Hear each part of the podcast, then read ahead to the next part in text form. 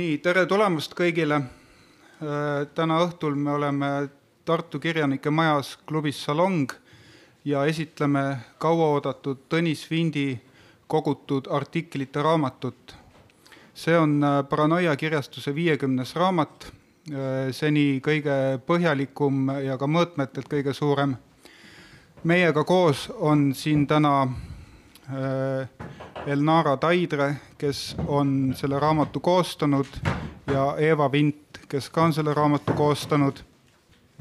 Elnara on kirjutanud Tõnis Vindi teemal ka oma doktoritöö.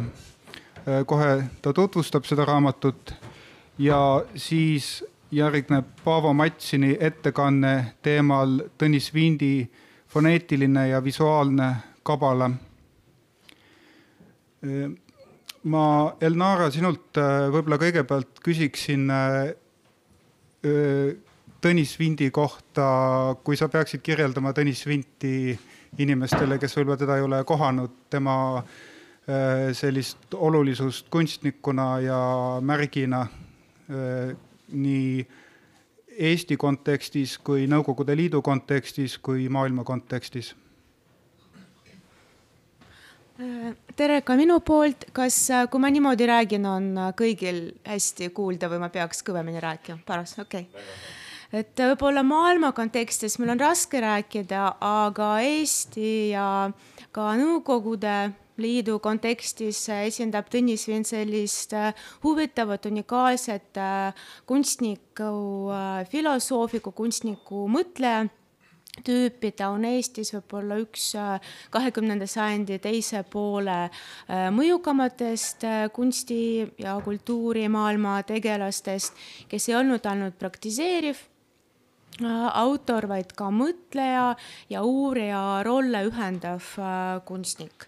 ja kui me mõtleme tema panuse peale Eesti kunsti ellu või Eesti kunsti ilmesse, siis tema oli see, kes kuuekümnendate aastate teisel poolel radikaalselt muutis Eesti graafilist kultuuri, seda nii vabagraafikas kui ka graafilises kujunduses. ta on toonud sisse sellise minimalistliku visuaalse keele, tühja ruumi geomeetriliste, lihtsate, kontseptuaalsete, aga ka sümboolsete märkide, kujundite süsteemi. Ja seda kõike ta on ka arendanud edasi kolmes, kolmemõõtmeliste vahenditega, ta on teinud interjöörikujundusi, lavakujundusi, et kui me räägime temast, siis joonistub välja selline tervikkunstiteos kus erinevad elemendid äh, toimivad äh, vastavalt äh, selle autori loodud isikupärasele kunstisüsteemile. aga jah, et nagu eelnevalt öelnud, et filosoofina on Tõnis Vint lähtunud sellest kõigest oma isikupärasest kunsti ja laiemalt visuaalkultuuri märgisüsteemide käsitlusest, mis ongi selle raamatu selline põhifookus Tõnis Vint omal ajal, olgugi selle, sellest hoolimata, et raudse eesriide taga elati, oli väga avatud sellele, mis toimus maailmas, ta oli Eestis üks esimesi, kes popkunstist ja hüperrealismist kirjutas.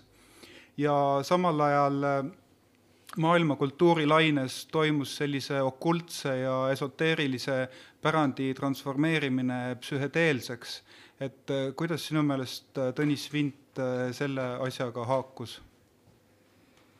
mm.? ma ise ütleks, et teda võib-olla isegi võrdselt äh, huvitaksid äh, kõikvõimalikud visuaal äh,, visuaalsed nähtused, et jah, teda huvitasid äh, kõige uuemad äh, nähtused, mis äh, parasjagu rahvusvahelises äh, kunstielus toimusid, tõesti popkunst, äh, kontseptualism, hüperrealism, aga teda huvitas ka kunstiajalugu, aga noh, ta ei piirdunud sellega, et teda huvitas etnograafia kõikvõimalikult pildilised kujutised.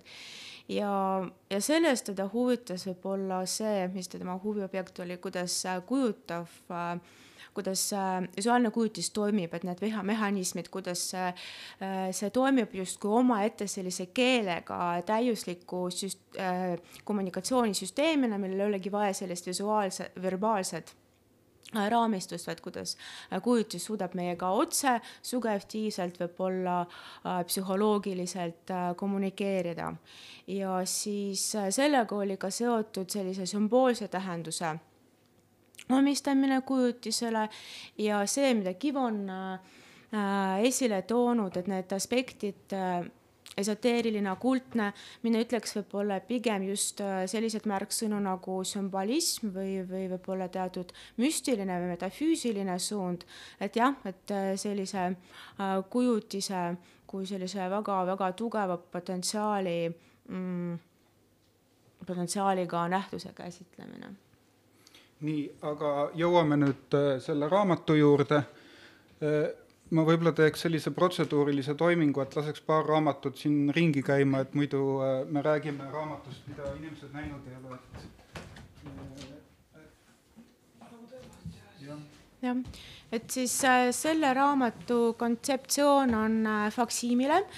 Tõnis Vint oli lisaks sellele, et ta oma, oma märgisüsteemide käsitletud, tutvustanud aktiivselt loengutes regulaarselt, on ta äh, teinud, äh, äh, tegelenud väga järjepidevalt artiklite avaldamisega väga erinevates väljaannetes, väljaannetes alates kunsti sellistest eriala ajakirjadest või väljaannetest kuni populaarteaduslikeni.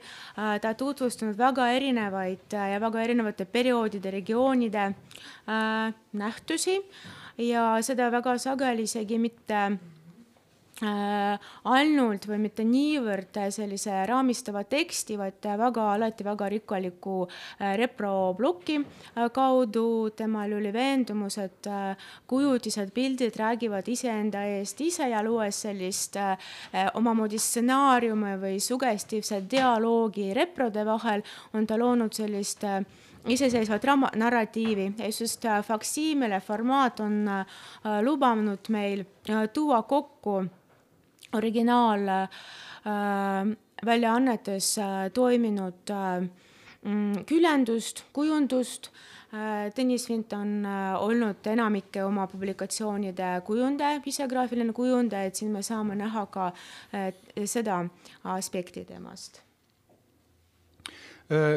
mind ühe asjana huvitab, et kuivõrd Nõukogude Liit oli mõnes mõttes selline meedia simulaakrum, mis puutus äh, info kontrollimist.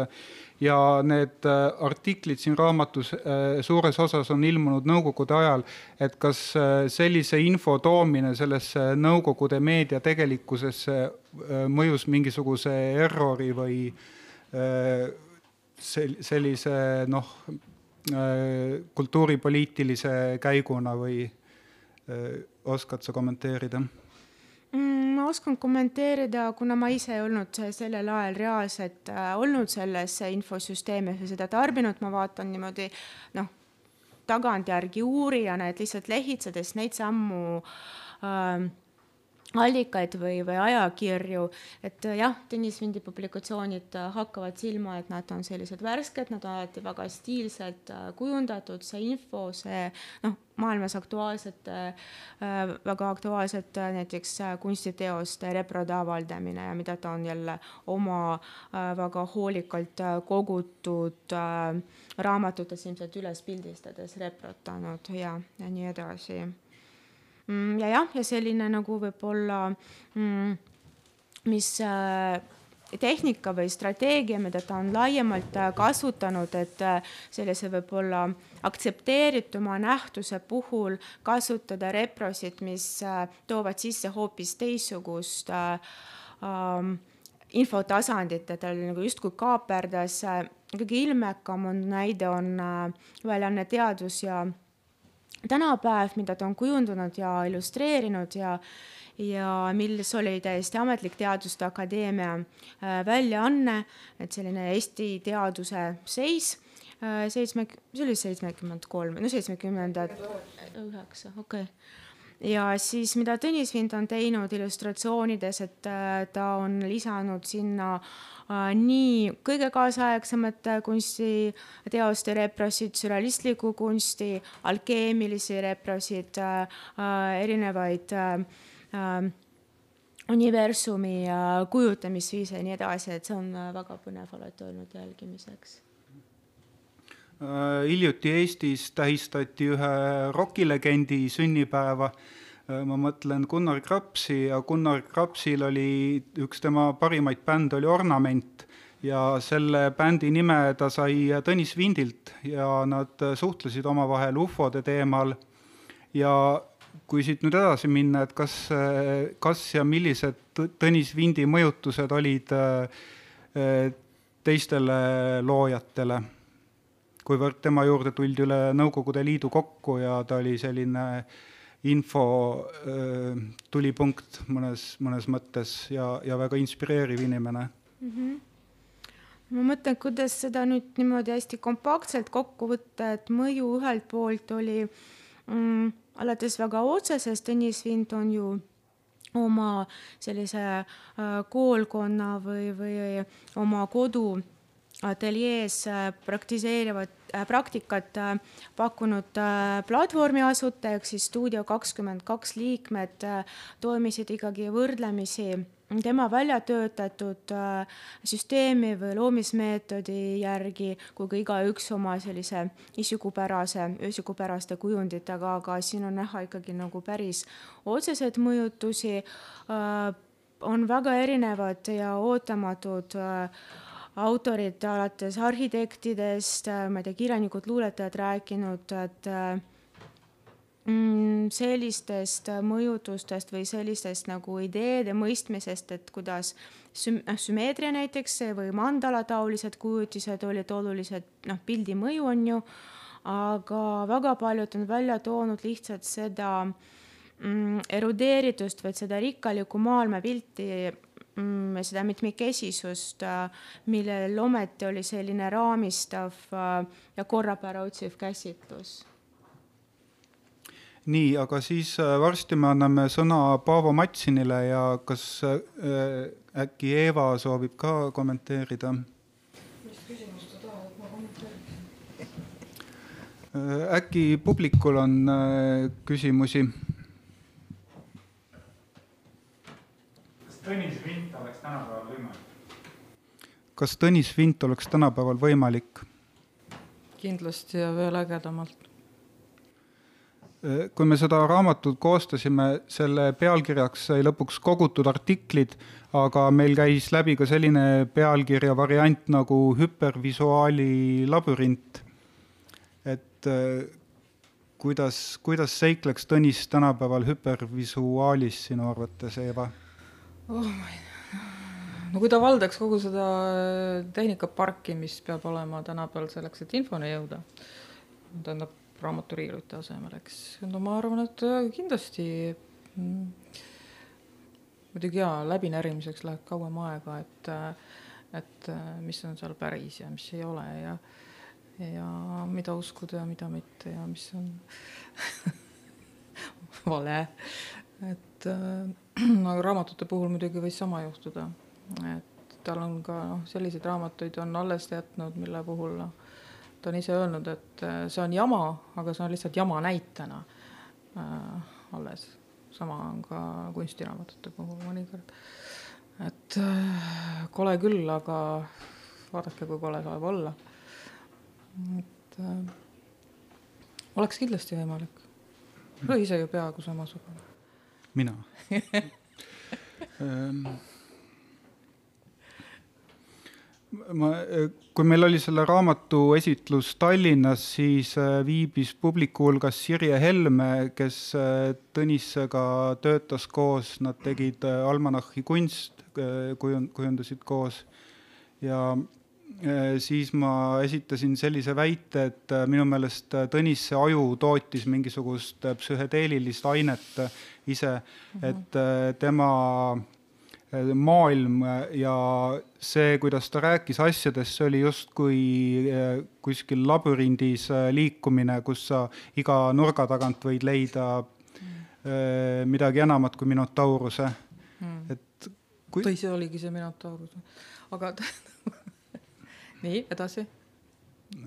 et labürint ja seosed ja hüpervisuaal ja mm.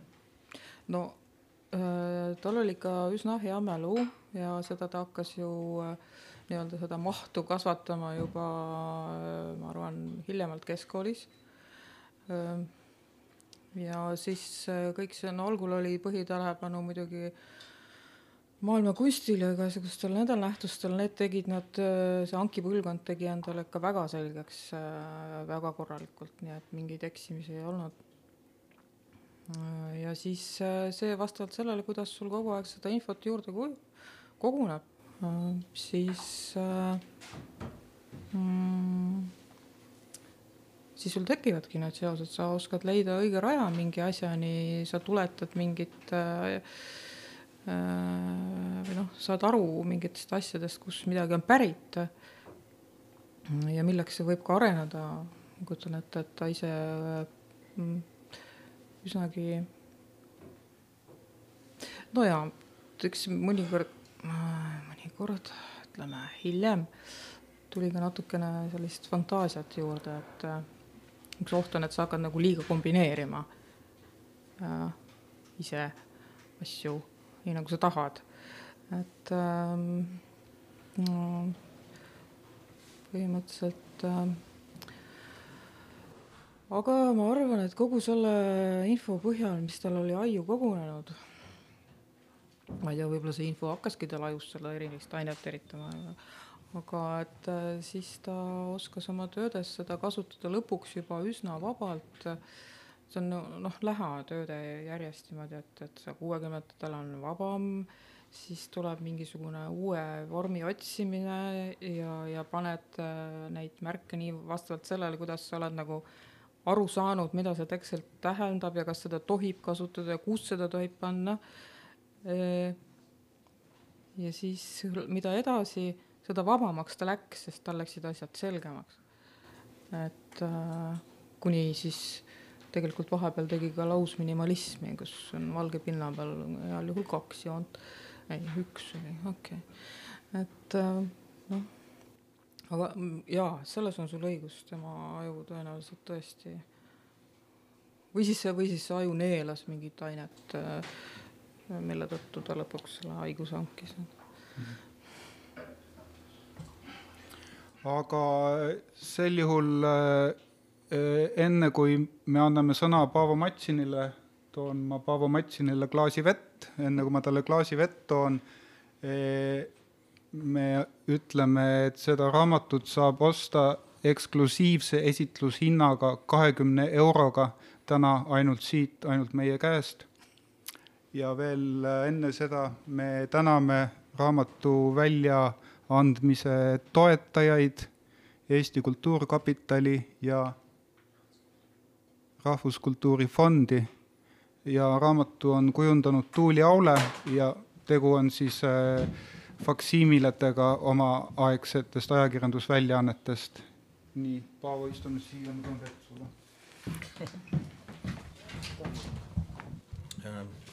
tere ka minu poolt ja äh, kõigepealt ma võib-olla alustan nagu sellest, et oh, thank you, merci.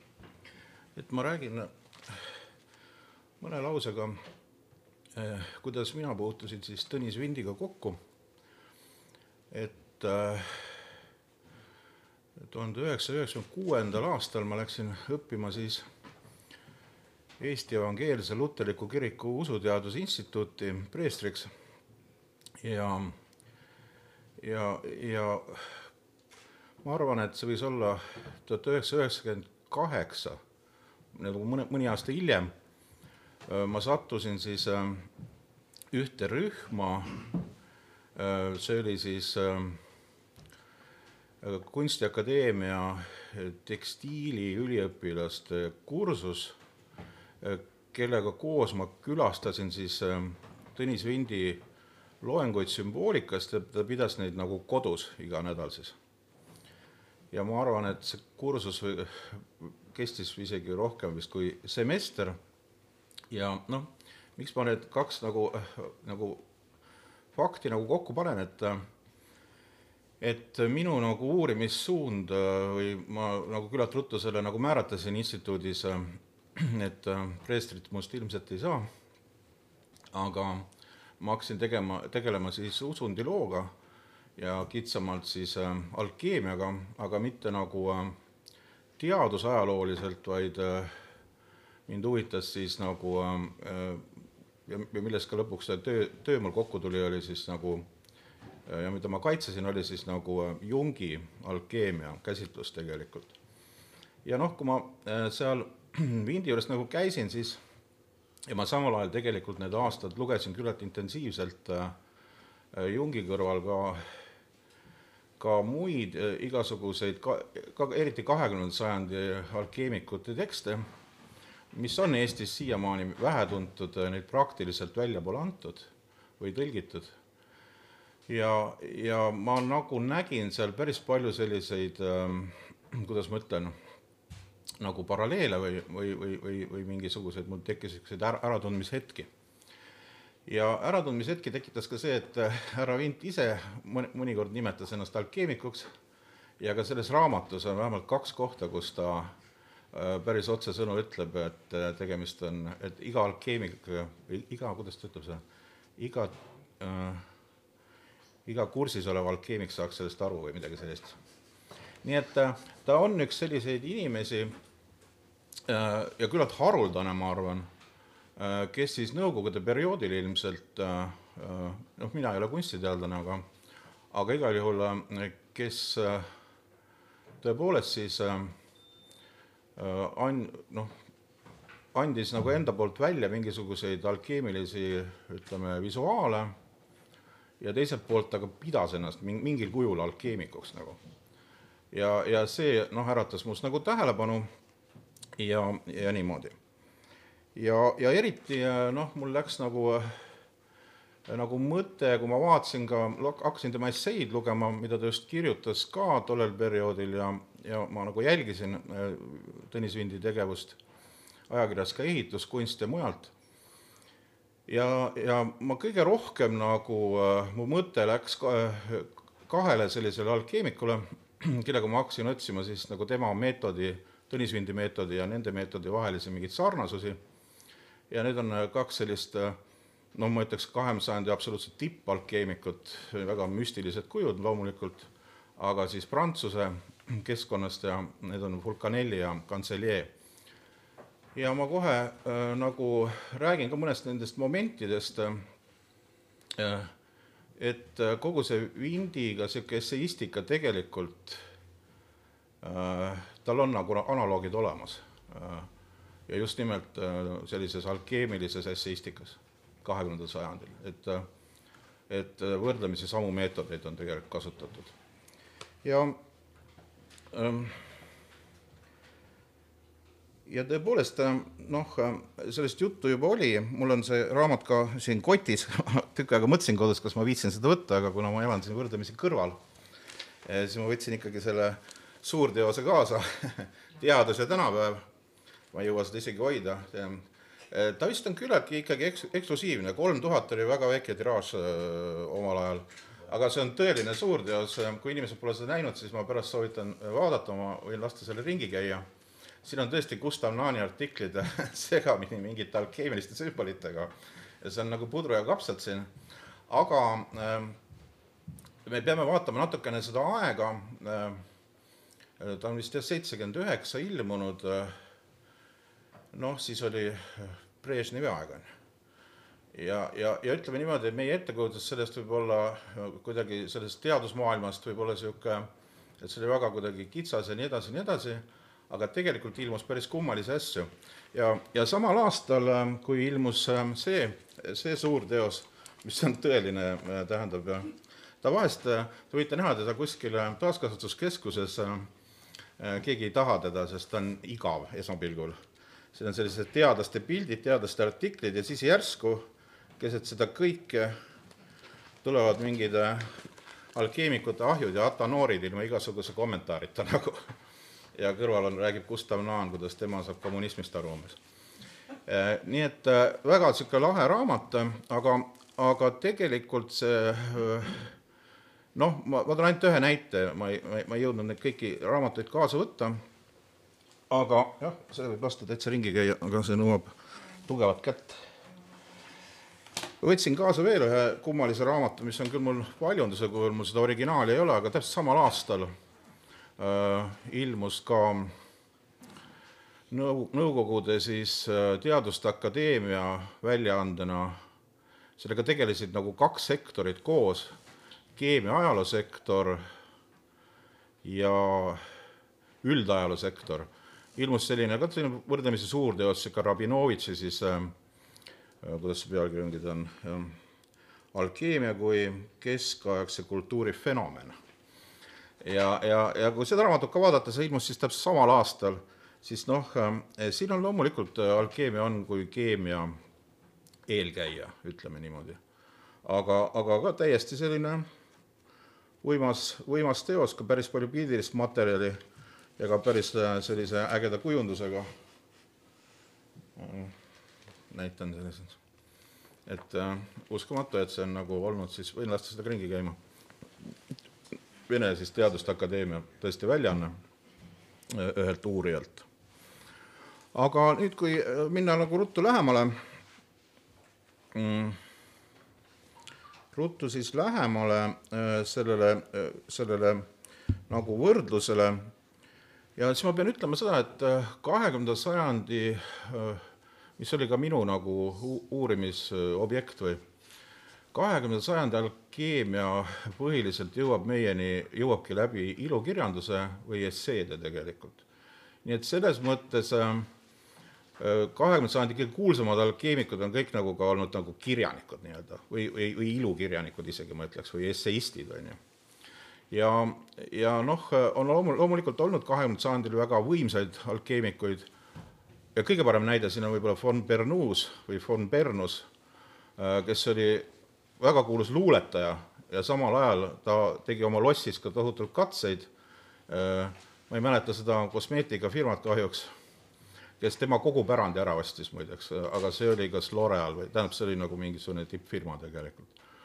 et, äh, et just neid ühendusi kus äh, alkeemik või kes tegeleb mingite alkeemia probleemidega, et ta samal ajal on ka siis äh, tegelikult äh, kirjanik. ja just nimelt need Fulcanelli ja Cancellier on nagu äh, ka selle liini siis äh, esindajad nagu. ja, ja nüüd läheb natukene selliseks äh,, kuidas ma ütlen, esoteeriliseks, aga aga äh, vot see pealkiri ka, et foneetiline ja visuaalne kabala, et, äh, et nüüd tuleb eristada nagu kahte kabalat. et ähm, seda fikseerivad äh, nii Fulcanelli kui Cancellier oma teostes äh,, nad siis, kui tavaliselt räägitakse kabalast, siis mõeldakse nagu seda juudi kabalat või heebrea kabalat, ja seda kirjutatakse nagu kahe P-ga, ütleme siis niimoodi nagu kabala või midagi sellist aga äh, nemad rõhutavad siis seda, et kui nemad äh, räägivad kabalast, siis nemad kasutavad seda sõna ühe P-ga. Ja see on hoopis midagi muud ja sellel juudi pärimusel äh, või noh, see kabala tähendabki traditsiooni või, või saadud asja, sellel ei ole mitte mingisugust pistmist nagu alkeemilise kabalaga. ja, ja noh, Äh, ütleme siis niimoodi, et, äh, et Fulcanelli ja Cancellier, mõlemad need prantslased siis, no nad on siis müstilised kujud. üt-, äh, öeldakse nii, et Cancellier oli Fulcanelli õpilane, aga tegelikult on levinud arvamus, et ta lihtsalt kasutas erinevaid nimesid ja ta on üks ja sama isik. kuigi neid on nähtud ka mingitel matustel ja aga noh, see on niisugune lõputu müstika, see, ka nende elulood on küllaltki, küllaltki niisugused keerulised. aga Nad siis äh, tõlgendavad kabalat hoopis teisiti ja, äh, ja nemad viivad selle siis tagasi nagu prantsuse keele peale ja sõnale kaball, äh, mis viib tagasi siis hobuseni, rüütliteni, chevaleriile, kabaleriile, kavaleriile ja täpselt niimoodi nad ütlevad, et on alati sellest alkeemia, kui kasutatakse sõna kabala, aru saadud, et näiteks kui ka seitsmeteistkümnendal sajandil on kuskile teose pealkirjas sõna kabala, siis äh, tegelikult äh, mõeldakse just seda mingisugust nagu sellist prantsuse taustaga süsteemi. ja just nimelt, et siis kabala ühe B-ga nagu kantseljeel ja heebrea kabala siis just nagu kahe B-ga. ja, ja sellest kabalast siis ühe B-ga kirjutab ka äh, Vulcanelli, mis, mis on nagu see erinevus või mis asi on siis see alkeemiline kabala nagu, millest nad mõlemad siis kirjutavad ja nad ütlevad niimoodi, et see on universaalne keel, mis suhestub kõigi maailma keeltega ja ta ilmneb prantsuse keeles siis tänu sidemetele eh, vana-kreeka keelega ja see on päris huvitav nagu selline fakt. Ja ja nad ütlevad, et alkeemik peakski kasutama eelkõige siis seda kabalat ühe P-ga ja see on päris huvitav, kui alkeemia ajalugu vaadata, siis tegelikult äh, juudi kabalaga on seal väga vähe pistmist. võib-olla alles pärast renessanssi tuleb mingisugused elemendid ükskõik, mida tänapäeva juudi teadlased ka sellest ei kirjutaks, nagu pakse raamatuid. ja ähm, Vulcanellil on siis äh,, siis äh, see oli kaks teost äh,, Le Mystère de Cathedraal ja tuhat üheksasada kakskümmend kuus siis ilmunud Katedraalide saladused. Ja teine teos on siis äh, Le Demure Philosophale ehk äh, filosoofilised elukohad, olen mina seda tavaliselt tõlkinud. Ja just nendes raamatutes nad siis ka räägivad päris täpselt, mida, mida nad selle kabala all nagu, nagu äh, mõtlevad. Ja, ja, ja kui ma nagu Vinti kuulasin, siis ma sain aru, et ta tegelikult tegeleb sellesama asjaga küllaltki üks-ühele nagu või, või saab enam-vähem täpselt samamoodi asjadest aru, näiteks ta tegeleb sõna etümoloogiaga äh, küllaltki niimoodi fantaasiarikkalt, äh, ta tegeleb visuaalse lugemisega, äh, nii, nii Kantselier kui Fulcanelli võtavad täiesti suvalisi mingisuguseid, mingisuguseid maamõisa reljeefe ja annavad neile alkeemilisi tähendusi ja nende teosed on ka hästi pildirikkad, nii et on hästi palju nagu sellist eh, kuidagi ma ütlen, et see essents on nagu seal nagu eh, küllaltki sarnane Vindile. ja, ja üks niisugune huvitav moment veel, kui ma nüüd lugesin ka seda, ma, ma olen juba seda raamatut nagu lugenud, seda, seda, mis täna esitletakse, siis on üks selline hästi huvitav kokkujuhtumine. Nimelt Vindil on siin selline essee nagu Reval Tallinn, üks linn, kaks saatust. ja, ja ma tsiteerin sealt ühte jupikest tuhande üheksasaja üheksakümne kaheksanda aasta ilusal kesksuvisel ööl sai kahe juristidop-, juristidiplomit omava isiku kohalviibimisel üles laotud oraakelväljad linnadele nimega Reval ja Tallinn. nii et ühe korra, tähendab sel samal aastal, kui mina ka seal Vindi juures käisin, ühe korra siis ta, vähemalt seal essees ta räägib nii, et olid mingid juristid ja ta tegi mingi nii-öelda katse. ja see on nüüd päris huvitav, sest Äh, alkeemia ajaloos on üks väga kuulus katse, ma arvan, see on isegi kõige kuulsam katse, see oli tuhat üheksasada kakskümmend kaks, kus Fulcanelli äh, tegi katse Pariisi gaasitehases, kus ta viis põhimõtteliselt äh, nagu, viis, viis kullani, tähendab, protsessi. ja samamoodi ta ju, ta, ta mõtles, kuidas seda nagu legitimeerida ja ta kutsus kohale juristid.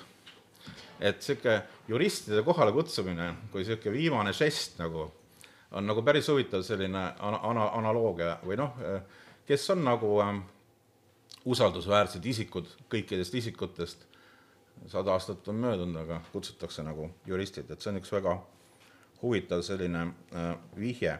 ja muideks selles samas essees ka Vint äh, vihjab otsesõnu, kogenud alkeemik saab aru või on selline lause äh,. vihjab siis ilmselt endale ja ta üritab siis sellise foneetilise kabala alusel lahendada seda linnanime mõistatust ja toob näiteid näiteks linnanime muutustest ajaloos. ja Vulcanelli kantselee lähenevad oma objektidele täpselt samamoodi, ka neil on aluseks konkreetsed katsed tegelikult, meie, meie neid katseid ei tea ja meie käes on lihtsalt esseed, kus me saame lugeda, et midagi on toimunud. ja, ja nad kirjeldavad siis mingeid üksikjuhtumeid ja võib-olla kui noh, nagu üritad ikka aru saada, mis, mis see, mis see nüüd see alkeemikute kabal on ja kuivõrd erinev ta on siis nagu sellest Hebea kabalast, äh, siis äh, Fulcanelli öö, oma teoses Katedraalide saladused toob kohe alguses ühe soovituse otsida sõnade puhul kabalistlikke aluseid, mitte grammatilisi põhjuseid, kui me tegeleme sõnade etümoloogiaga. Noh, see kogu see jutt on nüüd selline, et ütleme, keeleteadlased lähevad kurjaks, on ju, ja väga kuulus on Fulcanelli näide, tähendab, see on nagu ütleme, kui keegi hakkab teile kunstiajalugu kunagi õpetama, siis võite muidugi käe tõsta ja vastu vaielda, ütelda, Fulcanelli pole nõus, kui räägitakse, kust on tulnud sõna siis kootikunst näiteks, on ju. noh, kui te lööte lahti mingisuguse Vikipeedia, ma loodan, et te ei tee seda praegu, aga kui te lööte selle lahti, siis te näete, et seal seletatakse teile kootidest, on ju, ja kuidas see võeti kasutusele ja see sõna ja nii edasi, nii edasi, aga Fulcanelli täiesti rahulikult, ülbelt, see ülbus on siin ka oluline, ignoreerib absoluutselt kogu selliseid arutlusi, teda ei huvita need, mis on, mida on kirjutatud hiljem mingite asjade kohta. ja ta teeb järgmise siis sellise entomoloogilise ahela ja tegelikult ta nüüd tegelebki selle foneetilise kabalaga juba. ja ta ütleb niimoodi, kootikunst, prantsuse keeles siis art gothique, ja ta taandab selle sõnale argot ehk kui me vaatame kirjapilti, siis on argot nagu on ju, ütleme, aga häälduse järgi argot nagu. ja ta ütleb, et katedraal on ehitis, mis on tehtud mingis argoos, mingisuguses nagu sellises keeles, ütleme, ta räägib keskaegsetest katedraalidest, mida ehitajad ei tahtnudki, et kõik oskavad lugeda. näiteks ta räägib seal mingitest ehitusdetailidest ja asjadest. et, et see oli mõeldudki kasutamiseks siis nagu vaikselt. Ja ähm, noh, näiteks ka Vulkanelli enda nimi on, on foneetiline kabala, ta on siis nagu kahest poolest koosneb vulkaanus ja Helios. ja, ja noh, noh näiteks veel mõningaid, mõningaid selliseid näiteid. selles hilisemas teoses ta toob näiteks ühe väga ilusa näite majamärkidest, et kui te Euroopas ringi liigute, siis võite näha tohutu palju majamärke, näiteks eriti Prahas ja tavaliselt, kui isegi maja ära lammutatakse, siis äh, tegelikult pannakse need majamärgid sinna tagasi, need on äh, keegi, keegi, keegi neid ütleme, väga sügavuti pole uurinud. noh, ma tunnen nagu rohkem Prahat ja, ja ütleme, kõik need raamatud, mis on välja antud Praha majamärkidest, need on võrdlemisi ettevaatlikud, aga öeldakse, et noh, et küll ehitati uus maja, aga vana märk pandi sinna välja ja maju tun-, tuntaksegi mingite märkide järgi. ja äh, Fulcanelli toob näiteks ühe näite foneetilisest kabalast kus nüüd juba lähe, läheb ka asi nagu visu-, visuaalide peale ja kuidas nagu mängiti tegelikult siis äh, neid asju. ja ta toob äh, näite siis majamärgist. Äh,, kuldne lõvi öömaja märgina see on siis Oleon d'Or, kuldses lõvis nagu. Kõlab siis kokku, tegelikult kõik said aru, et kui oli kuldne lõvi, kõik said aru, et tegelikult sinna saab magama minna sellepärast et äh, oli on door tähendab magab voodis nagu. vabandage mu halba french'i nagu aga niimoodi. et selles mõttes äh, ta nagu näitab seda ka, et, et kuidas seda on kogu aeg kasutatud, et on ol, olemas olnud mingi väga niisugune universaalne üldine salapärane keel, mis on kõikide märkide, kõikide keelte all, see on olnud küllaltki universaalne siis nagu. või noh, kui näite tuua näiteks äh, ütleme siis maailmaklassikast äh, Rabelais Pantagruelist, äh, siis Pantagruelis on peatükk, äh, kus hiiglase Pantagrueli kelmist sõber Panüž peab maha dispuudi kellegi õpetatud inglasega. ja kuna hi-, hiiglase Pantagrueli teadmiste tase on põhjustanud tema üle, üle-euroopalise kuulsuse, siis saabub kohale üks inglasest õpetlane. see on muideks hästi lõbus raamat, see see, see Rabelais Pantagruel, see on ikka päris nagu ropp ka tegelikult, ikka uskumatult ropp, ma ütleks. ma kardan, et raamatukogu hoidjad ei aima, mida nad laenutavad vahest nagu.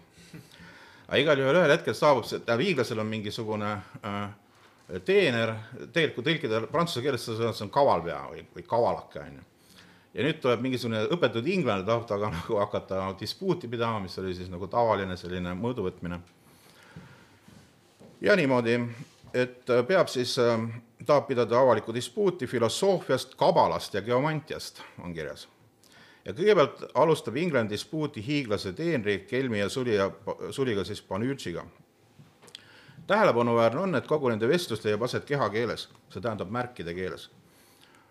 Panüüd ja inglase kehakeele kahekõne on pealtnäha päris ropp, ometi on tegemist sügava sümboolikaga. Ja eriti kasutatakse äh, dispuudis siis alkeemilist sümboolikat, sellest on kirjutanud päris pikalt üks äh, vene, ma ütleks, kõige legendaarsem nagu alkeemiaga tegeleja, tänaseks lahkunud Jevgeni Golovin, kelle hüüdnimi oli Admiral ja kes oli kuuekümne seitsmendatel aastatel sellise Moskva, kuidas ma ütlen, sellise undergroundi, esoteerilise undergroundi nagu juhtfiguur paarkümmend aastat ja tegelikult oli prantsuse keele tõlkija, ta on ise tõlkinud Rimbaud ja päris selliseid noh, vägevaid teoseid, aga tema on siis, on uurinud ka Rabelai'd näiteks. ja ta ütleb niimoodi,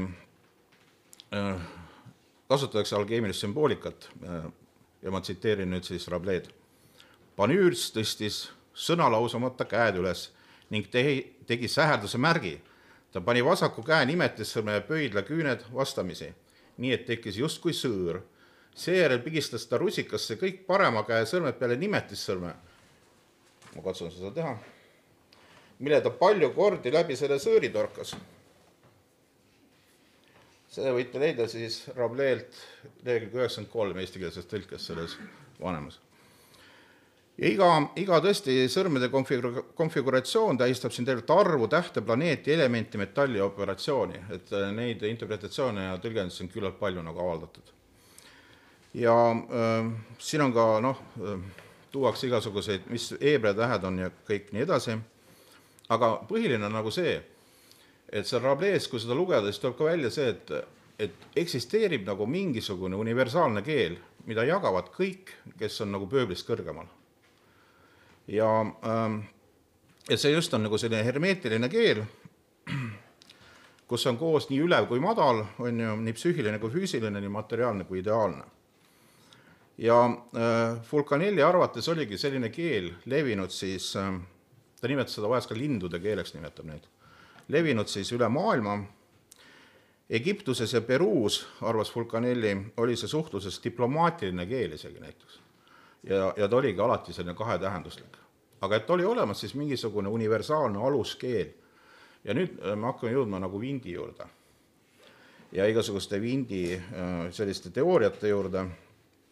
Ja, ja ma ütlen veel, et äh, kordan üle, et siis Vulcanelli ja Cancellier oma raamatutes on kasutanud väga palju sellist Vindi visuaalset lugemist, seda, mida Vint kutsub siis selliseks visuaalseks lugemiseks, kus tõesti äh, tekstidest ei hoolita, asju vaadatakse nii-öelda nagu otse, vaatamata nende geograafilistele või ajalistele vahemaadele. ja äh, Cancellier ja Fulcanelli loevad alkeemilisi tekste niimoodi, et neid ei huvita nagu mingi sekundaarne materjal selle ümber, nad vaatavad otse näiteks mingisuguseid sümboleid mingisuguseid asju, kus on, mis on kuskil arhitektuuris ja nii edasi ja nii edasi. ja mida noh, kirjutavad siis äh, ütleme, kunstiteadlased, neid see nagu noh, see huvitab neid nagu kõige vähem, vabandust. Ja ma võtsin ka kaasa, kuna noh, ma tõesti siin lähedal elan et ma, kui ma oleks kaugelt olnud, ma poleks võtnud, aga aga on, on nagu olemas üks selline äh, noh, ütleme niisugune näide par excellence või Äh, on siis selline olemas ka selline tumm raamat. ja need on, ja see on jälle, kantseleer on seda kommenteerinud, on ju. see on siis selline muutusliiber, öeldakse, äh, väga kuulus asi, kus on ainult, algselt ainult pildid, siin ei ole nagu üldse teksti olnud. see nagu näitab ka, et noh, et, et et, et need tekstid on sekundaarsed üldiselt nagu ja tegelikult tuleks vaadata rohkem võib-olla pilte, ma võin lasta sellega ringi käia, aga see on siis kantseleer kommentaaridega, kuigi ta on mul tšehhikeelne loomulikult. et äh, ma teisi keeli väga ei valda. ütleme nii. Nonii, Vint on ka nüüd rõhutanud siis visuaalset lugemist ja, ja niimoodi asjade kõrvutamist ja seda, et tekstid on hilisemad äh, või, äh, või, või tihti puuduvad, on sekundaarsed ja, ja näiteks Vint võrdleb selles meie nüüd selles esitletavas teoses on üks päris tore, noh, see on täis tegelikult neid võrdlusi. et põhiline ongi sellest meetodist nagu aru saada, mida ta nagu teeb. aga siin on näiteks üks lehekülg sada nelikümmend seitse, üks essee kus ta võrdleb Peruu paari tuhande aasta vanust tekstiili ja, ja Hiina siis müstilist show märki ja jõuab sealt nagu suhteliselt nobedasti Platoni kerakujuliste inimesteni või, või jõuab näiteks kapsaraual, Eesti kapsaraual kujutate juures Kreekasse või Jaapanis, Jaapanisse ja see mõjub nagu mingite mõistatuste lahendamine. ja vaata, see on ka nüüd äh, Vulkanellile, kantseleerile omane, et äh, nad käsitlevadki, et see, see foneetiline visuaalne kabala alkeemilises mõttes ongi, ongi nagu mõistatuste lahendamine. et see ongi kõige olulisem, et sa lahendad nagu mõistatusi kogu aeg. et äh, aga noh, kus on näiteks Vindi selline foneetilise kabala näiteid, neid on ka raamatus päris palju, kuigi nendes esseedes, mis nüüd olid, neid nagu just nagu ma, ma hakkasin nagu otsima, aga ta alati nagu, kui ta kodus rääkis, siis ta tõi neid näiteid rohkem, aga esseedesse ta vist kartis neid panna, mulle tundub. aga ma mäletan näiteks ühte õhtut, kui ta võrdles hollandi ja eesti keelt, sõnu lihtsalt, ja leidis seal päris palju mingisuguseid sarnasusi. ja see oli ülihuvitav ja see on puhas foneetiline kabala tegelikult või näiteks mingid kohanimede etümoloogiat käsitles alati, ma mäletan, Vint. Ja see on, see on sarnane natukene nagu teevad maausulised tänapäeval.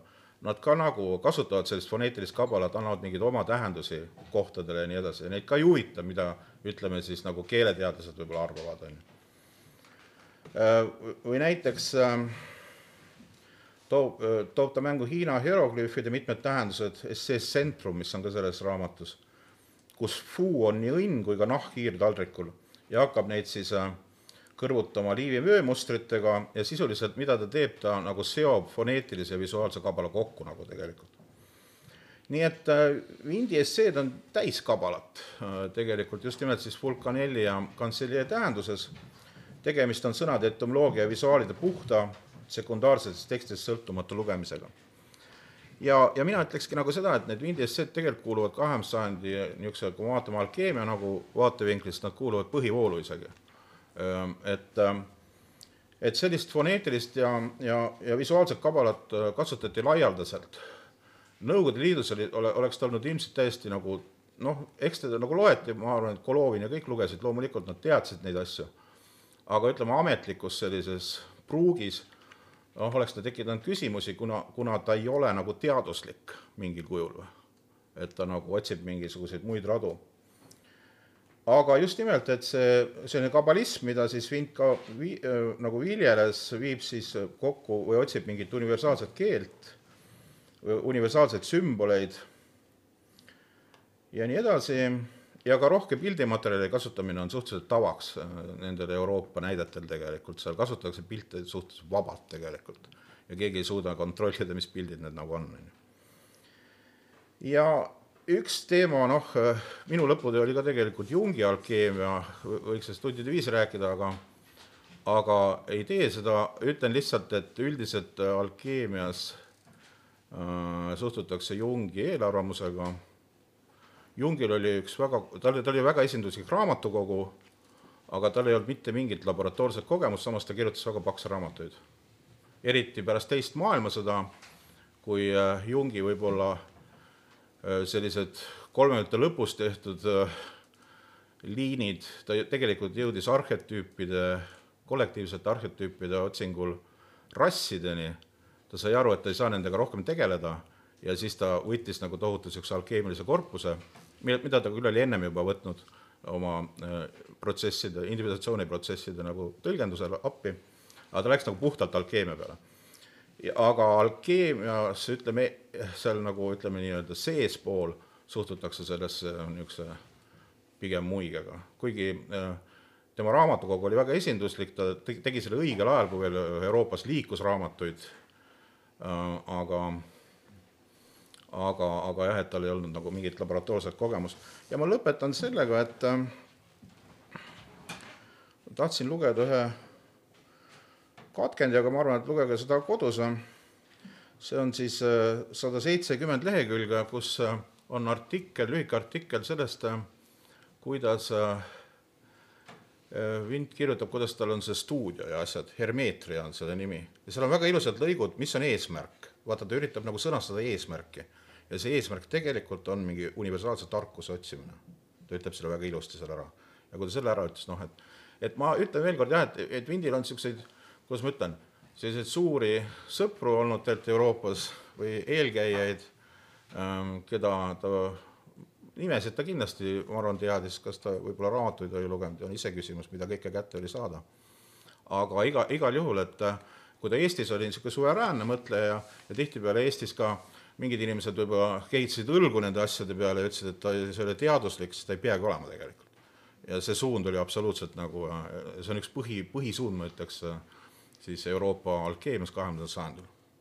et meil on väga lahe autor, ostke mitu raamatut, ma soovitan. Need ostetakse kõik ära, need raamatud tegelikult poest, ma olen täitsa veendunud selles. ja suur tänu teile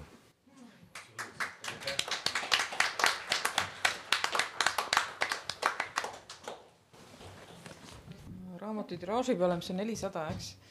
juba üks tuttav ütles, et on juba rariteet. jah, nii oligi mõeldud. oleks ta vaid oleks ta vaid kõvas kaanes. milleks? pead vist juhatama küsimust. Äh, jah, publikus on küsimus, palun. et Paavo, et kast ja kust me seda teksti lugeda saaksime, mida sa siin praegu ette kandsid? Mitte minu teksti ei pea lugema, Vulkanellite kantseleed. sa kuidagi kombineerisid neid ja, jaa, ei, ma ei ole, ei ole avaldanud jah, ma. aga ei kavatse ka või, aga võiks võib-olla. ei no ma midagi olen avaldanud, seda Rableest ma olen kirjutanud ja Golovinist ja. no see Golovin on näiteks leitav, kui vene, kui inimene loeb vene keelt, siis tema on selline vene, Venemaa absoluutne erudiit tegelikult oli. aga ta oli nagu pagan usku ja see tekitas väga palju probleeme aga temal on nagu väga suur veebisait, kus on kõik tema asjad üleval. Sea-, sealhulgas ka Vulkan-, Vulkaneelis kantseleest, millest iganes. ja ta on tegelikult selline, ma ütleks, number üks mees ja ta on jäänud selleks nagu Venemaal. üks repliik ka tohiks, kuna sõna keemia siin palju kõlas, küll selle eesliitega all. mul oli keemia kolm koolist veel. Toomas Mann on oma doktor Faustuses päris pikalt, see tähendab ühel leheküljel ja väga detailselt, seda konkreetsete keemiliste ainete nimetusteni välja kirjeldanud ühte väga kaunist keemilist katset, mis keemilise aia nimetust kannab. huvilised võivad selle üles otsida, Chemical Garden on inglise keeles, tähendab saate kätte, no koduste vahenditega tegelikult või poest saadavate vahenditega. tõsi küll, selles Toomas Manni raamatus see kirjeldaja noh, oma reaalia vihkamises annab sellele katsele äärmiselt sellise põlastava hinnangu või ütleb, et, et see on ikka selline, ühesõnaga, see on katse, mis imiteerib bioloogilist elu. no seda jah, peavad jurist, juristid, vaat sellepärast kutsutaksegi, on ju. et nad nagu siin, siin võiks siis minna tagasi juba keemilise pulmani.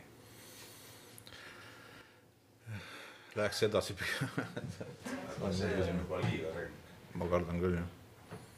Et me, me esitleme raamatut muidu me jäämegi siia. aga noh, see on tõsi, et eesti keeles ei ole ilmunud siiamaani, see on täielik lünk, alkeemialased teadused puuduvad nagu. on mõningaid Paratselsuse tõlked vist äh, akadeemias on niisugused, aga praktiliselt nagu, ma ei, ma ei tea, millest see tuleb nagu, arvatakse, et ei osteta või? Mul kohe ilmub nüüd esseekogu Kirjandus ja alkeemia. ma teen reklaami ka, on ju. aga noh, seal on vana, vanemad artiklid nagu. aga see on huvitav lünk nagu jah, või, või on ilmunud noh, see Vihalema, mis oli see noh, teadusajaloost tulenevad uh, uurimused on see, on see keemia kohta ja noh, see ilmus nõukogude ajal juba tegelikult. aga ma ei, nagu ei näe jah, isegi teadusajaloo, ajaloolisi käsitlusi ma tänapäeval nagu ei näe. ma ei tea, miks neid ei ole nagu. ei anta grante või? Või, või homunkuluse tegemiseks.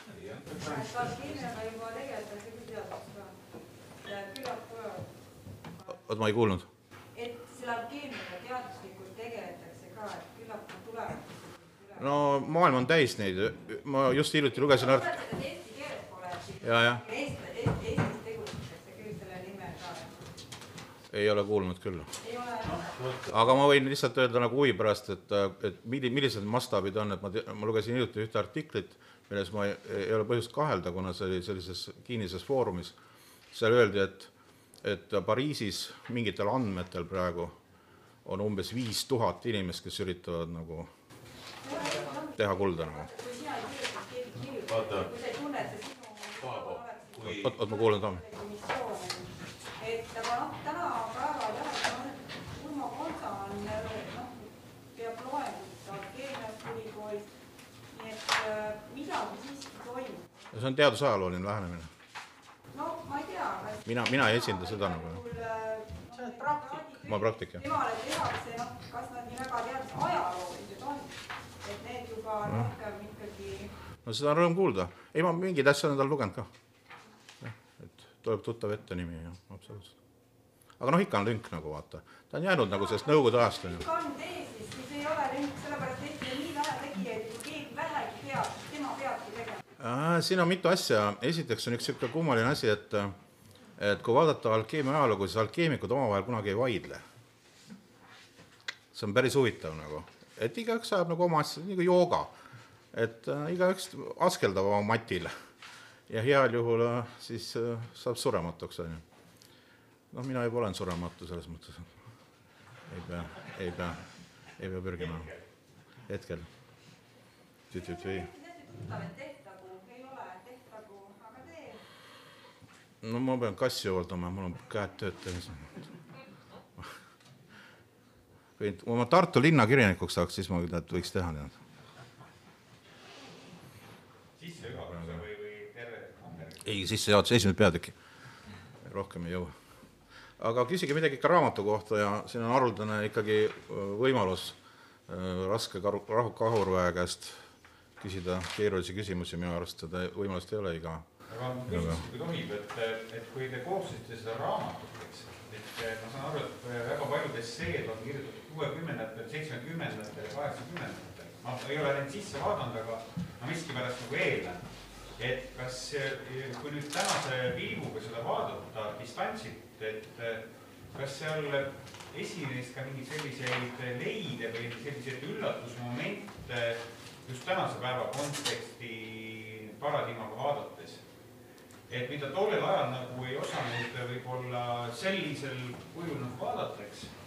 aga just, et tänasel päeval on ta kuidagi eriti nagu särama, säramas või kuidagi väga oluline see essee. mina võin küll ühe korra, ühe ütelda kohe, see on see raudtee asi nagu. onju, et, et, et ta vist on kirjutatud kaks tuhat, siis ei olnud ju sellest küll veel kuulda midagi. üks essee on see, kuidas läbi Euroopa läheb ju tohutu raudtee ja no see on küll ju aktuaalne nagu. no aga seda on ka eelmise sajandi alguses ju kavatsetud, noh, põhimõtteliselt. mingid unistused olid. tead, härra Mait, kogu see raamat on puhas kuld. ma lihtsalt ütlen härra Mait Laasile seda, see on Zinzendorfi uurija. äkki muideks väga huvitavad on äh, Vindi, äh, suhtumine vennaste kogudusse onju. see oli ju era, eri, eriline teema, talle ta alati rääkis sellest, et ta ei suhtunud väga hästi sellesse. härra Mait Laas on vennaste koguduse uurija. olete vist? ma ei näe maski taha hästi, aga selles mõttes ongi nagu maskipall, eks. mulle tundub, et et selles mõttes, et on, kindlasti on selles Eesti kultuuritraditsioonis on olemas see, see, millest Vint räägib, seesama see oskus lugeda tekste, mis on ainult pildilised ja ka neid produtseerida. et see ei ole lihtsalt, kui me räägime Vindist, siis Vint ei ole ainult lihtsalt eh, lugeja, pildilugeja, vaid ta on ka pildilooja.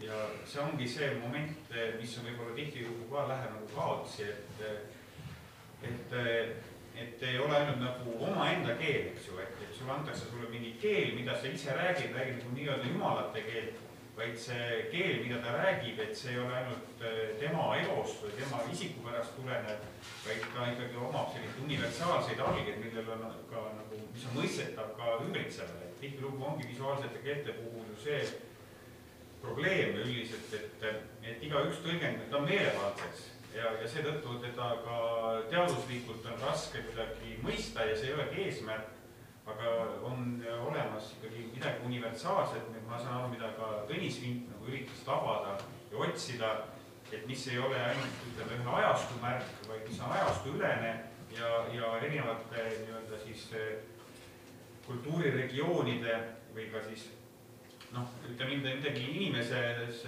väga universaalset, see, see nii-öelda nagu sa ütled, see kuld see oli üks kõige keerulisemaid küsimusi, mida mina elus olen kuulnud. Aga ma ütlen lihtsalt seda, et vaata, minu arust on niimoodi, et Vindi praktika, noh, tema, vaata, millega tema tegi katseid, see oligi kunst, on ju. noh, see oligi nagu ja sealt kõrvalt ta kirjutas huvitavaid esseid ja asju, on ju. aga see, ütleme, see äh, niisugune info nagu tuligi nagu läbi kunsti ikkagi, on ju, või kuidagi, on ju. ta ei peagi lugema mingisuguseid äh, alkeemilisi tekste, on ju, selles mõttes. aga kunst ongi ju tegelikult see ülim alkeemikud räägivad jah, kas just kunst või selles mõttes Vint oli väga demokraatlik, ta nagu rääkis kõikvõimalikest visuaalsetest kujutistest ja kui mina näiteks mõtlen üldse tema meetodi peale, siis näiteks üks analoog on võrdlev mütoloogia. et kuidas käsitletakse erinevate Äh, rahvaste sellist nagu alusnarratiive või bassnarratiive ja kuidas tuuakse just nagu neid mudeleid või struktuure, mis kõikide jaoks universaalsed, need andavadki me sellise nagu väikse võtme nagu väga erinevate lugude juurde.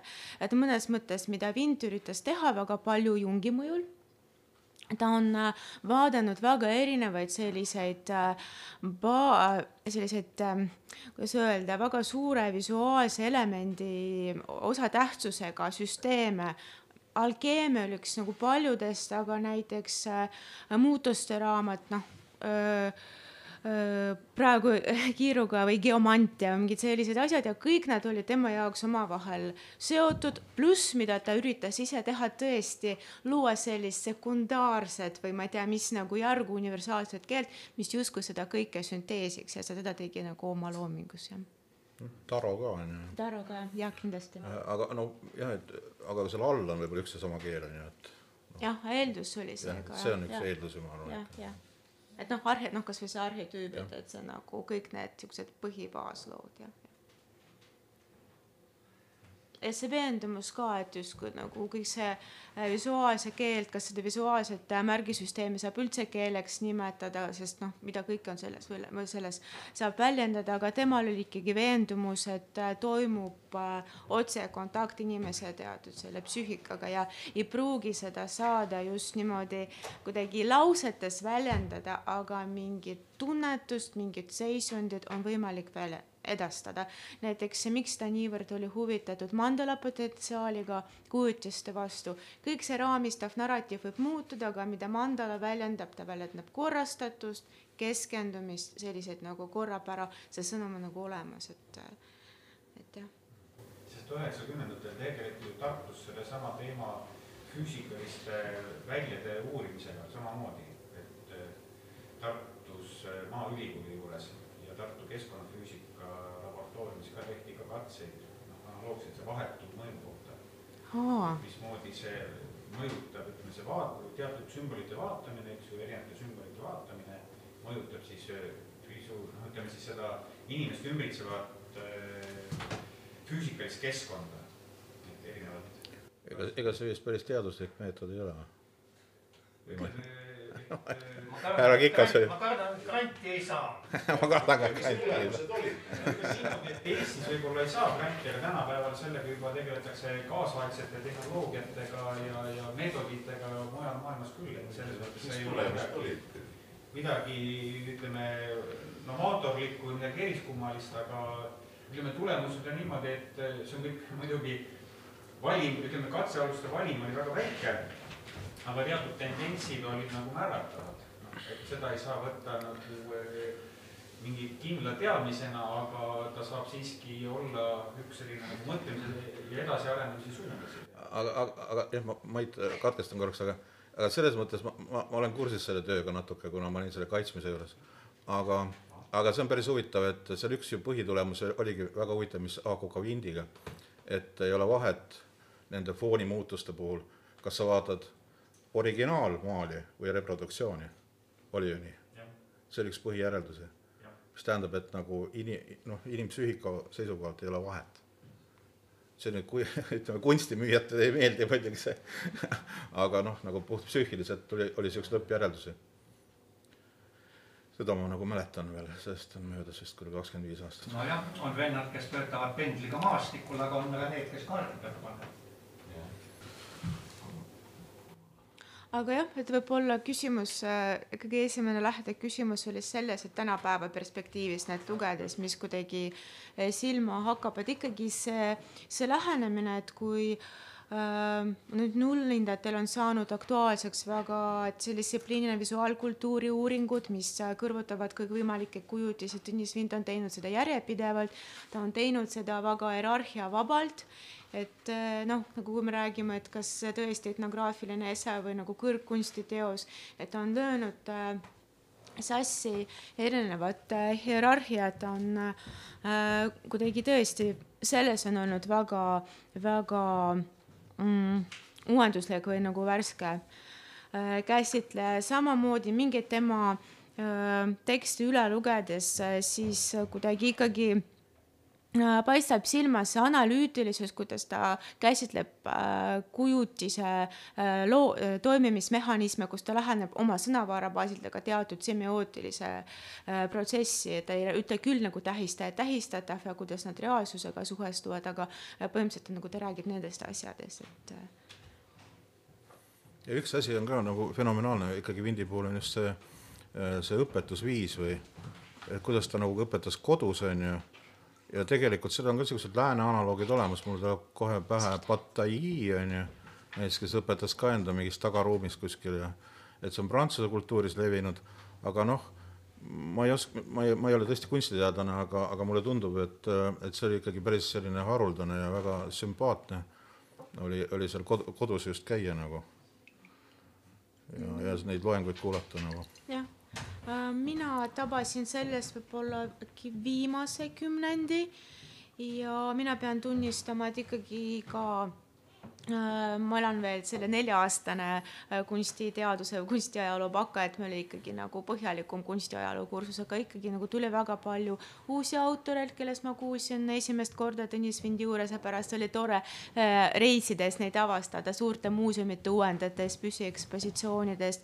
kohe kõrvutamine filmi ajaloo, mitte ajalooga, vaid noh, filmi kunstiklassikaga ja, ja see õpetusviis just, et nagu protsess, et mitte faktide alati isegi esitamine, vaid mm, see oli mitmetunnine kuidagi silma häälestamine tundlikuks teatud kujutiste või selle visuaalse äh, fil-, selle info tajumise osas. Ja ma mäletan üks nagu selline väga hea näide, kus oli kuidagi väga selges läbimõeldud struktuuriga loeng, mis käsitles äh, metafüüsilist valgust äh, tühjas ruumis visuaalses kunstis ja hiljem ka filmis.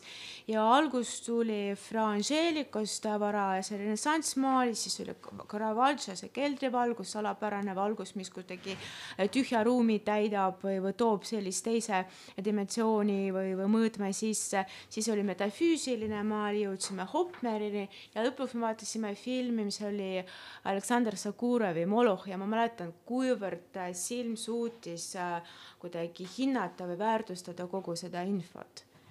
et jah, et see oli ka kuidagi nagu selle, mitte jah, jälle nagu mitte nagu isegi faktide, vaid selle jah, visuaalse tundlikkuse kaudu õpetamine. ja noh, päris huvitav osa nendest asjadest ju ei ole kunagi esseest, esseedesse jõudnud tegelikult. näiteks suhtumine Adamsoni sellesse Russalkasse ja noh, need on ju niisugused huvitavad asjad kõik sellest ta ju siiski ühes äh, ruumikriitilises artiklis kirjutas. Okay.. aga üldiselt Tõnise loengud olid äh, või tema õpetus oligi selle poolest erinev nagu nendest klassikalistest igasugustest stuudiotest, et temal oli ainult teooria. Äh, ma mäletan, no mina läksin üheksakümne esimesel aastal sinna ja ma mäletan ainult ühte korda, kus me seal suures ruumis joonistasime tegelikult meie muideks joonistasime, vaata mm. seda ringi ja siis need erinevad. aa, no see on iseasi, seda sa võid kodus. tasakaaluharjutused ja, ja, ja tasakaalustamisharjutused. aga et äh, oleks õpilased istunud pliiatsi ja paberiga ja joonistanud, seda oli ainult üks kord. aga äh, ta isegi ükskord ütles äh,, käisid noh, igasuguseid inimesi sattus sinna, keegi tõi kaasa keegi helistas, et äh, kas võib tulla ja, ja Tõnis ükskord ütles, et äh, need, kes ootavad temalt äh, mingeid füüsilisi, mingeid nippe, mingeid nõkse, mingeid äh, võtteid äh,, need ei käi siin küll rohkem kui kaks korda. et, et äh, ja, ja, ja ei tulnud ka, ühesõnaga, kes äh, läksid nii-öelda noh, ta võttis ka nagu teoloogil ikka hinge kinni mm. ta oli ka teoloogilist asja oli ikka päris palju, pidi olema teadmisi, et kuulata ja järgida seda tal oli, ja see äh, soon oli temas tegelikult olemas, ta võis seda aeg-ajalt küll eitada, ta võis seda tõrjuda mm,. ta võis seda nii-öelda endas vaigistada, aga see oli temas olemas kogu aeg. Ma ei ole jõudnud nagu raamatut põhjalikumalt nagu vaadata, aga, aga ma lihtsalt nii oletan, onju, et see aja, mingi enda artiklit said ka sinna faksimiilidena küll sisse, aga, aga, aga Vint tegi ka, ka teistele äh, nii mõnedki kujundused, ta oli ka vist kultuuri ja elu kujutaja kuni selleni välja, et mul niisugune tunne, et ma mingi hetk neid sealt läbi labates ka tuvastasin, et, et see, kui, kui ta äh, need piirkaarte vööd endale avastas, siis ka kultuuri ja elukujundusse ilmusid. et, et kas selle raamatu enda nagu füüsiline maht pani ka noh, mingi piirangu sellele, kas, kas midagi jäi välja? aga no päris palju on sees eelmises raamatus ka ju, selles, kus on teie artiklid ja mis oli, mis oli, mis oli Kumu. Kumu muuseumi, aa, see on. seal on päris palju pildimaterjali. ei no pildimaterjal ja, ja seal on nagu esimesed need faksiimilid, mingid kolmest artiklist on vist seal faksiimilid, lihtsalt kujundusnäitena. aga siit jäid välja, aa, üheksakümnendatel ilmunud ajalehe artiklid, sest punkt üks nad selle formaadiga nagu hästi ei sobinud, et kui sealt lõigata nagu see A3 pooleks ja üritada paigutada raamatusse, siis väga kole noh, jääb, et pealegi need teemad tal kordusid, Naissaarest ta kirjutas ju ajalehtedes väga mitmel juhul, et seda ei olnud nagu mõtet, me eelistasime, kui on mingi korduv teema, siis eelistasime ajakirju. Ja mm, ja noh, eks need ajalehtedes ilmunud artiklid olid ka natuke sellised äh, liiga kurjustavad võib-olla, et las siis olla üks sihuke leebem raamat. miks kurjustav? viskat ei. miks? Aga jah, Indrek, sinu küsimusele vastates, et võib-olla artiklites, kus on tõesti selgelt selline nagu noh, kogum tekst ja, ja selle kommenteerimiseks valitud repromaterjal on, ma ütleks, et väga paljud, enamik läks sisse. noh, eraldi nähtusena on see näiteks teaduse tänapäev, noh, illustreerimine, kujundamine, see on nagu eraldi tekst ja samamoodi kõik kujundused nii-öelda mitte tema tekstidele ja illustratsioonid, neid jäid ka välja kuigi noh, ta on nagu ka ilukirjandust illustri-, noh kujundanud ja illustreerinud. ja, ja, ja see on ikkagi tõesti artikli kogumik, aga jah. päris äge on ju ka see tema tehtud kavand Vabadussamba. alati, kui kõnnin sealt Vabaduse platsilt, mõtlen, miks seda ei tehtud, kus need postid ja lõvid või mis seal olid. väga uhke ja, jah. seda pole ka enam pärast seda nähtu nähtud. jah, see oleks olnud ikka väga võimas jah see võib tõeks saada veel, praegu on ikka oluliselt selle jubeduse mahavõtmiseks. seda küll jah.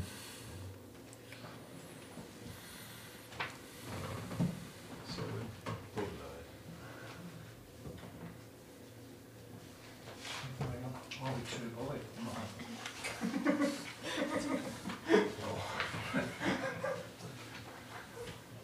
saaks Kaja Kallasest ka veel rääkida. seda raamatut saab täna osta ja siis siin. jaa, tõesti.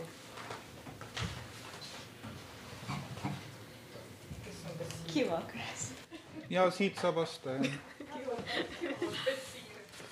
ma tahaks ka siis oma raamatuid tagasi saada, mis ma siin taha ringi lasin, et